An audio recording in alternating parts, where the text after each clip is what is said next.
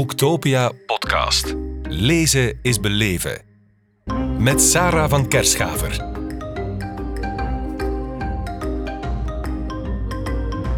Rick Vera, welkom in onze podcast hier op Boektopia in Kortrijk. Dag Sarah, ik zit niet elke dag in een aquarium. Dus, nee, eh, absoluut. Een Eh, aquarium zonder water. Zonder water, maar wel veel bekijks, inderdaad. Ehm, je schreef The Guide to the Ecosystem Economy, uitgegeven bij Lano Campus. Ehm, maar ik ga eerst even naar je website. Daar, daarop schrijf je Rick is Rick. Punt. Ja. Ja, wie is Rick? In pakweg zeven woorden. In zeven woorden, ik, eh, ik introduceer me graag als eh, grootvader zijnde Ah, en daardoor per definitie een wereldverbeteraar ah, dat is mooi. die de wereld rondreist om proberen een, eh, een bepaalde boodschap tot bij zoveel mogelijk mensen te krijgen. Dat is Dat zeer is meer dan zeven woorden, maar dat is het ongeveer. Het is jou vergeven.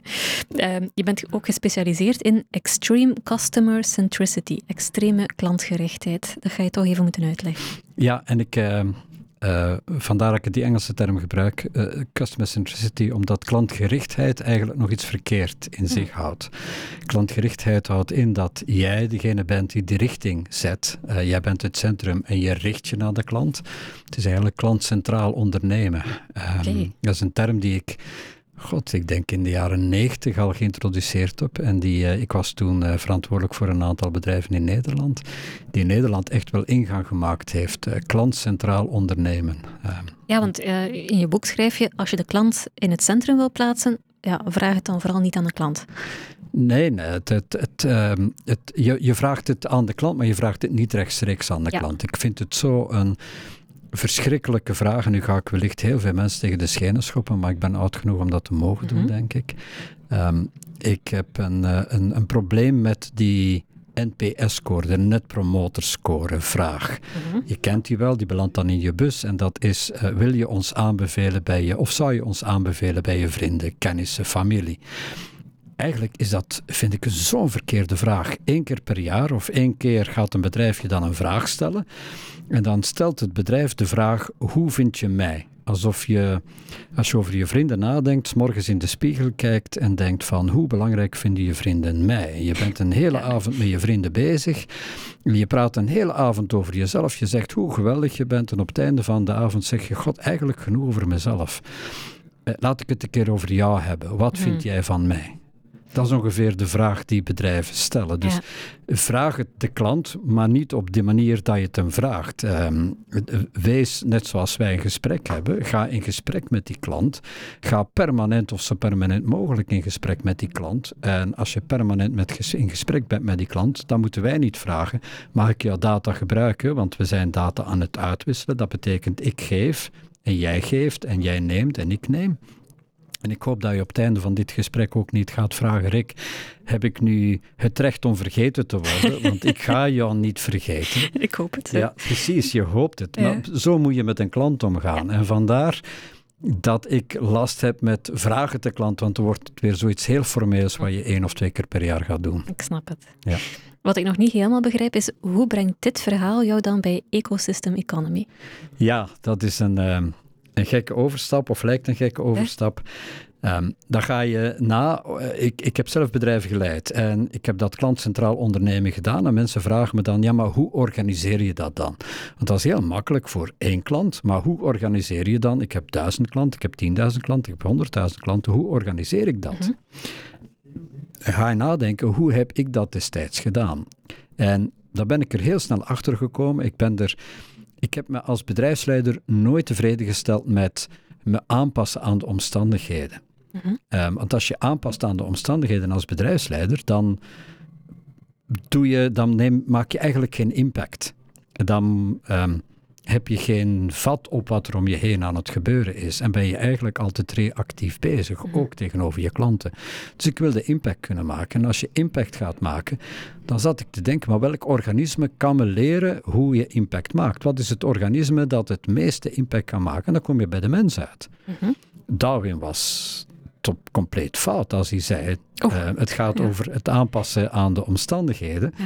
De mens past zich niet aan aan de omstandigheden, de mens past de omstandigheden aan. Dat is ambitieus. Ja, maar dat doen wij. Wij doen dat voortdurend. We hebben het wiel uitgevonden. Dat, dat zit niet in de natuur. Wij hebben het vliegen uitgevonden. Wij hebben, maar wij hebben geen vleugels. We hebben zoveel dingen uitgevonden waarmee we impact maken op hm. onze omgeving.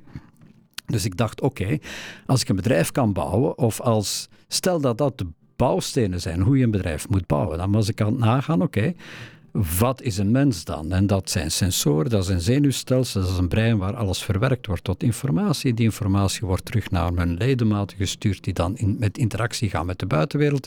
En daardoor krijg je weer nieuwe impulsen waarmee je je brein kunt voeden. Dus ik had meteen de vijf bouwstenen van hoe een mens in elkaar zit. En dan dacht ik, oh, als dat de vijf bouwstenen zijn van een mhm. ecosysteem, dan ga ik even kijken naar ecosystemen in de making. Mhm. En er zijn er een aantal die gemaakt worden, onder andere bij slimme steden. En dan kwam ik erachter, ja, eigenlijk hebben die, ook al lijken die in eerste instantie niet op elkaar. Die hebben eigenlijk diezelfde onderliggende bouwstenen en diezelfde onderliggende dynamieken die ongelooflijk lijken op hoe ons lichaam of hoe ons mens zijn functioneert. Kan je zo eentje toepassen? Of kun je een voorbeeld geven van zo'n goed ecosystem at work? Oh, kijk, als een, als een stad uh, zegt, kijk, we willen slimme mobiliteit in een stad organiseren. Uh, we, we, we, we, mensen hebben nood aan mobiliteit, maar we mhm. creëren zoveel mobiliteit in een stad dat we om de duur immobiliteit krijgen. Um, ik heb er net vandaag uh, weer eh, je zat op mij te wachten, denk ik, want het verkeer liep wat vast. Dus er is zoveel mobiliteit dat er op duur geen mobiliteit meer is. Dus als een stad zegt, binnen mijn stad wil ik mobiliteit gaan organiseren, dan kan een stad dat in wezen alleen maar doen door zoveel mogelijk sensoren te hebben plaatsen waar je data verzamelt.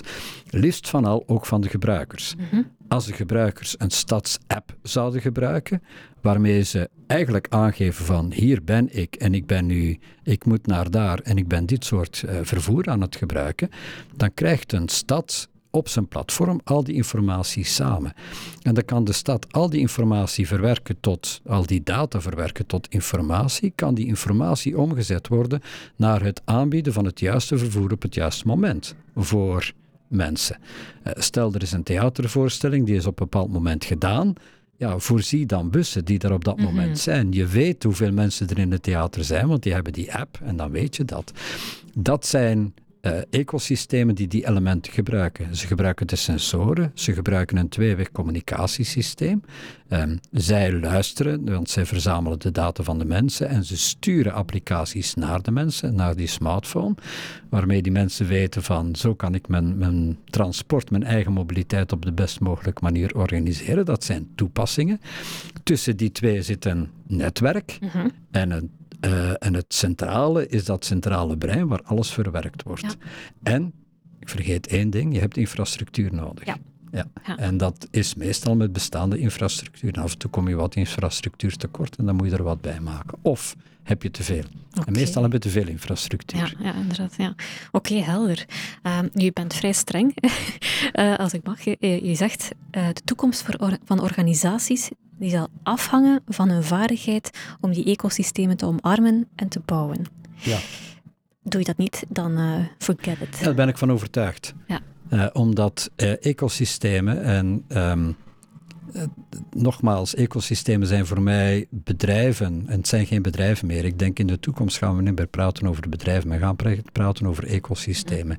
En jij als gebruiker gaat kiezen voor ecosysteem 1 of ecosysteem 2 of ecosysteem 3. Je gaat er niet te veel in je leven toelaten. Als een bepaald ecosysteem mobiliteit in een stad aangeboden wordt, dan ga je daarnaast geen tweede of geen derde toepassen, want daarop is alles, daarop krijg je alles. Dus als bedrijf, stel dat je wil meespelen in de mobiliteit in een stad, ja, dan moet je gaan aansluiten bij zo'n ecosysteem. Als je dat niet doet en mensen verkiezen dat ecosysteem en je bent een aanbieder die buiten dat ecosysteem staat, ja, dan heb je weinig kans om mm. op overleven. Plus ecosystemen, die gaan mensen zoveel betrekken, want dat is natuurlijk de grote Ehm, de, de, grote drijver van die ecosystemen. Je betrekt mensen bij dat ecosysteem. Je wordt onderdeel van dat ecosysteem. Ik blijf de car, uh, de car navigation app Waze een geweldig hm. voorbeeld vinden. Waze bestaat niet als wij het niet gebruiken. Mhm. Klopt. En dus die apps, die, die ecosystemen, zouden in wezen niet kunnen bestaan als er geen gebruikers zijn. Maar op het moment dat je gebruiker bent van dat ecosysteem, maak je eigenlijk mee dat ecosysteem. En word je er heel je kan het negatief bekijken en zeggen je wordt er heel afhankelijk van, je wordt er onderdeel van. Het wordt jouw ecosysteem. Mhm. En dus als je als bedrijf je daar buiten zet en je behoort niet tot zo'n ecosysteem, ja, dan vrees ik dat je op een bepaald moment wel een probleem gaat krijgen. Vandaar jouw credo, bedrijven, stop met elkaar te beconcurreren, begin met samenwerken. Ja, krijg, ja. Je, krijg je veel en samen, Ja, toch wel, toch wel, steeds meer. Ehm, en ook samenwerken op een andere manier dan klassiek. Ik, uh, ik, ik, mag niet altijd vertellen waarmee ik bezig ben, maar ben bij een hm. aantal heel grote bedrijven bezig nu met bouw van ecosystemen. Onder andere een heel grote luchtvaartmaatschappij die niet in België zit. En ehm, we, zijn al zes maanden terug naar de tekentafel gemoeten en dat heeft zijn weerslag gekregen in mijn boek. In mijn boek zitten twee, drie hoofdstukken die niet zo spannend zijn, maar die noodzakelijk zijn. Die gaan over de do's en don'ts van een ecosysteem.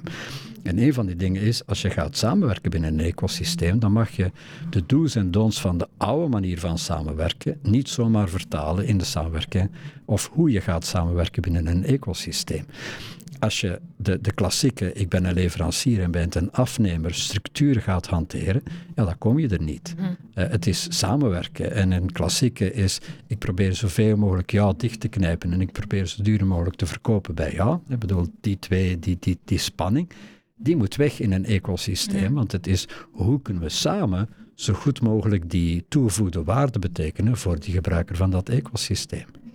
En wat zal dat dan bijvoorbeeld betekenen voor consumenten en voor onze manier van werken? Ik denk dat voor consumenten uh, het, het, grote voordeel van ecosystemen zal zijn dat we um, op een andere manier gaan kunnen nadenken over consumeren. Ik denk dat we er met z'n allen over eens zijn dat het grote probleem tussen mens, of de grote spanningsveld tussen mens en planeet, eerder zit in een, onze, onze neiging tot overconsumptie mm. dan in wat anders. Uh, sustainable en recycling en circulaire economie, allemaal mooi, maar zolang als we heel veel blijven consumeren, gaat dat een probleem opleveren. Zolang als we een economie blijven bouwen die gestoeld is op oneindige groei, gaan we een probleem blijven hebben. Ja, wat wordt dan een nieuwe economie? En dat vandaaruit het economie dat daaraan vasthangt in mijn, in mijn titel, ecosysteem-economie. Het, het is een nieuwe economische vorm die waarde creëert en waarde dan nog altijd omgezet wordt op een bepaald moment op naar oké, ik verdien wat en ik maak winst, maar die gaat minder bepaald worden of niet bepaald worden door de mate van groei en de mate van consumptie, maar door de mate dat je bijdraagt tot mensen hun leven. Mhm. En ik denk een van de grote voordelen van ecosystemen voor mensen is dat je een aantal partners in life gaat krijgen die je gaan helpen en assisteren bij je persoonlijke leven, terwijl je tegelijkertijd weet, die gaan de resources die we hebben, de infrastructuur die er is, de energie die er is, in de mate van het mogelijke sparen, omdat ze niet tegen elkaar werken en daardoor geen idle capacity veroorzaken, maar met elkaar proberen om zo optimaal mogelijk de resources te gebruiken, de dynamieken te gebruiken, om dan toch een zo hoog mogelijk welbevinden, ik vind dat een heel mooi woord, een welbevinden, mooi woord. om zo hoog mogelijk welbevinden voor zoveel mogelijk, en dan zijn het ook geen klanten meer, deelnemers aan het ecosysteem, te verwezenlijken. En je ziet bedrijven die echt wel in die richting aan het evolueren zijn op dit ogenblik. Stel je bent een luchtvaartmaatschappij, die ik niet mag noemen. Die niet mag noemen. Ehm, maar je hebt als doel tegen 2035, dat is niet veraf. Tegen 2035 willen we geen luchtvaartmaatschappij meer zijn, maar willen we de pan-Europese intercity mobility provider worden. Pan-Europees, dus Europees, intercity, niet hm. binnen de stad, maar intercity mobility provider. Dat betekent lang geen luchtvaartmaatschappij meer. Als wij vinden dat, ik zat gisteren in Genève, dat van Brussel naar Genève vliegen eigenlijk waanzin is, hm er zijn weinig alternatieven, ja, dan wil ik graag een app dat ik kan kiezen. Hoe raak ik nu van Brussel naar Genève? Op mijn manier. Ja, ofwel goed, zo goedkoop mogelijk, ofwel zo duurzaam mogelijk. Of, precies, en dat ik zelf kan kiezen wat wordt het. En dat dat aangeboden wordt. En dat dat, als nu een luchtvaartmaatschappij zich aanbiedt, dan is het Je kan kiezen, luchtvaart of luchtvaart. Als je luchtvaartmaatschappij een ecosysteem wordt, die pan-Europese mobiliteit gaat aanbieden, dan moet die samenwerken met een heel pak andere providers. Die moet die infrastructuur delen, moet die data delen, moet dus op een heel andere manier gaan samenwerken. Wat is, in het, wat, wat, wat is mijn voordeel? Dat ik op mijn manier van A naar B kan binnen Europa en dat ik zelf kan bepalen hoeveel impact ik maak op de planeet. Rick Verra, bijzonder boeiend. Uh, het is zo boeiend dat een kwartier altijd te kort zal lijken, maar helaas, we zijn onverbiddelijk in tijd. Hartelijk dank om te spreken over The Guide to the Ecosystem Economy. Dankjewel. Boektopia podcast. Lezen is beleven. Beluister ook de andere podcasts live opgenomen op Boektopia 2022. Nu via je favoriete podcast-app.